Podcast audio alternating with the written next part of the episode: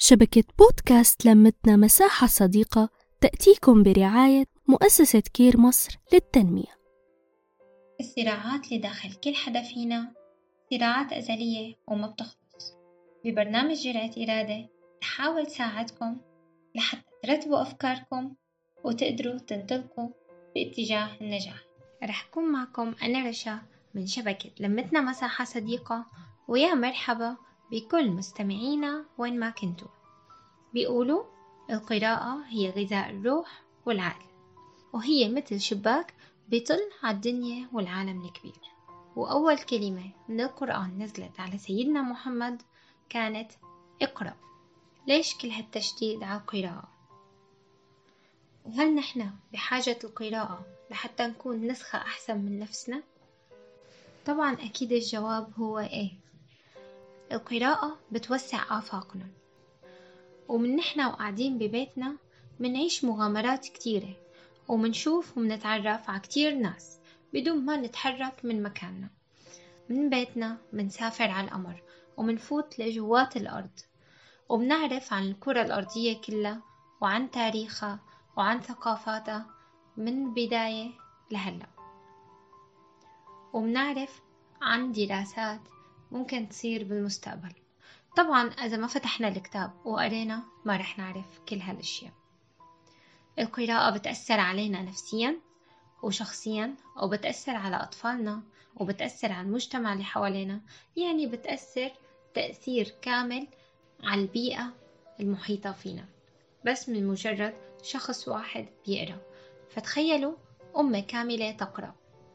أما بالنسبة للفوائد اللي بتعطينا إياها القراءة فهي كمان إلها فوائد كتيرة من فوائد القراءة إنها بتحافظ على صحة العقل وإلها تأثير كبير على الوقاية من مرض الزهايمر.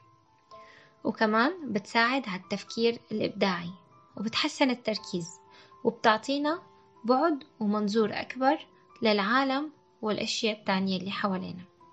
وكمان القراءة بتخلصنا من التوتر. في دراسة بتقول إنه ست دقايق من القراءة اليومية قادرة إنه تقلل من توتر العضلات وتبطئ من معدل ضربات القلب. وممكن تعطي القراءة كمان إحساس بالونس يعني بيكون الكتاب اللي عم تقريه مثل الصديقة اللي بتكون جنبك وبتسليكي وبتخفف عنك الشعور بالوحدة والفراغ. وكمان القراءة بتحسن مهارات الكتابة وبتساعد على الهدوء والاسترخاء.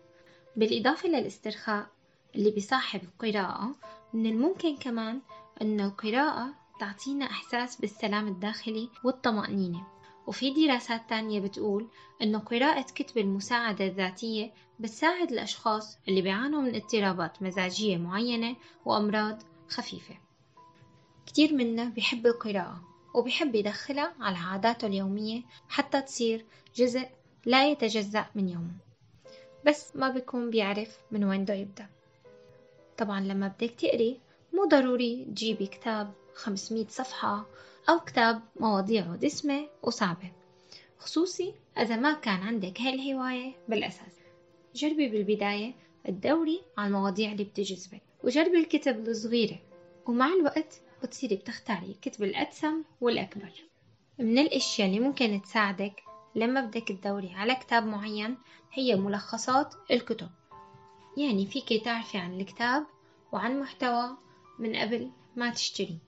ما عليكي غير إنك تكتبي اسم الكتاب اللي حابة تعرفي عنه. حتلاقيه موجود على اليوتيوب على جوجل على الفيسبوك وموجود منه كمان على البودكاست. فملخصات الكتب بتساعدك كتير بإنك تعرفي عن الكتب قبل ما تشتريه وإذا كنتي حابة تلزمي حالك بأي شي ممكن يساعدك بالبداية لحتى تقري ففي كتير صفحات على الفيسبوك وجروبات ممكن تساعدك بهالشي. طبعا في ناس بيحبوا القراءة من الكتاب بيحبوا ملمس الورقة وصوتها وريحتها وبيحبوا يعملوا هايلايت على المقولات المميزة عندهم أو يكتبوا رأيهم أو أي تعليق على الكتاب. وطبعا ما عاد في داعي حتى تروحي على مكتبة لحتى تشتري لأنه صار في مكتبات كتير متوفرة أونلاين ما عليك غير إنك تطلبي الكتب ويجوا لعندك على البيت. موضوعنا لسه ما خلص. استنونا بحلقة جديدة لنحكي أكثر عن القراءة ونحكي عن الوسائل المتطورة اللي بتساعدنا بالقراءة. كانت معكم رشا وجرعة إرادة. bye bye.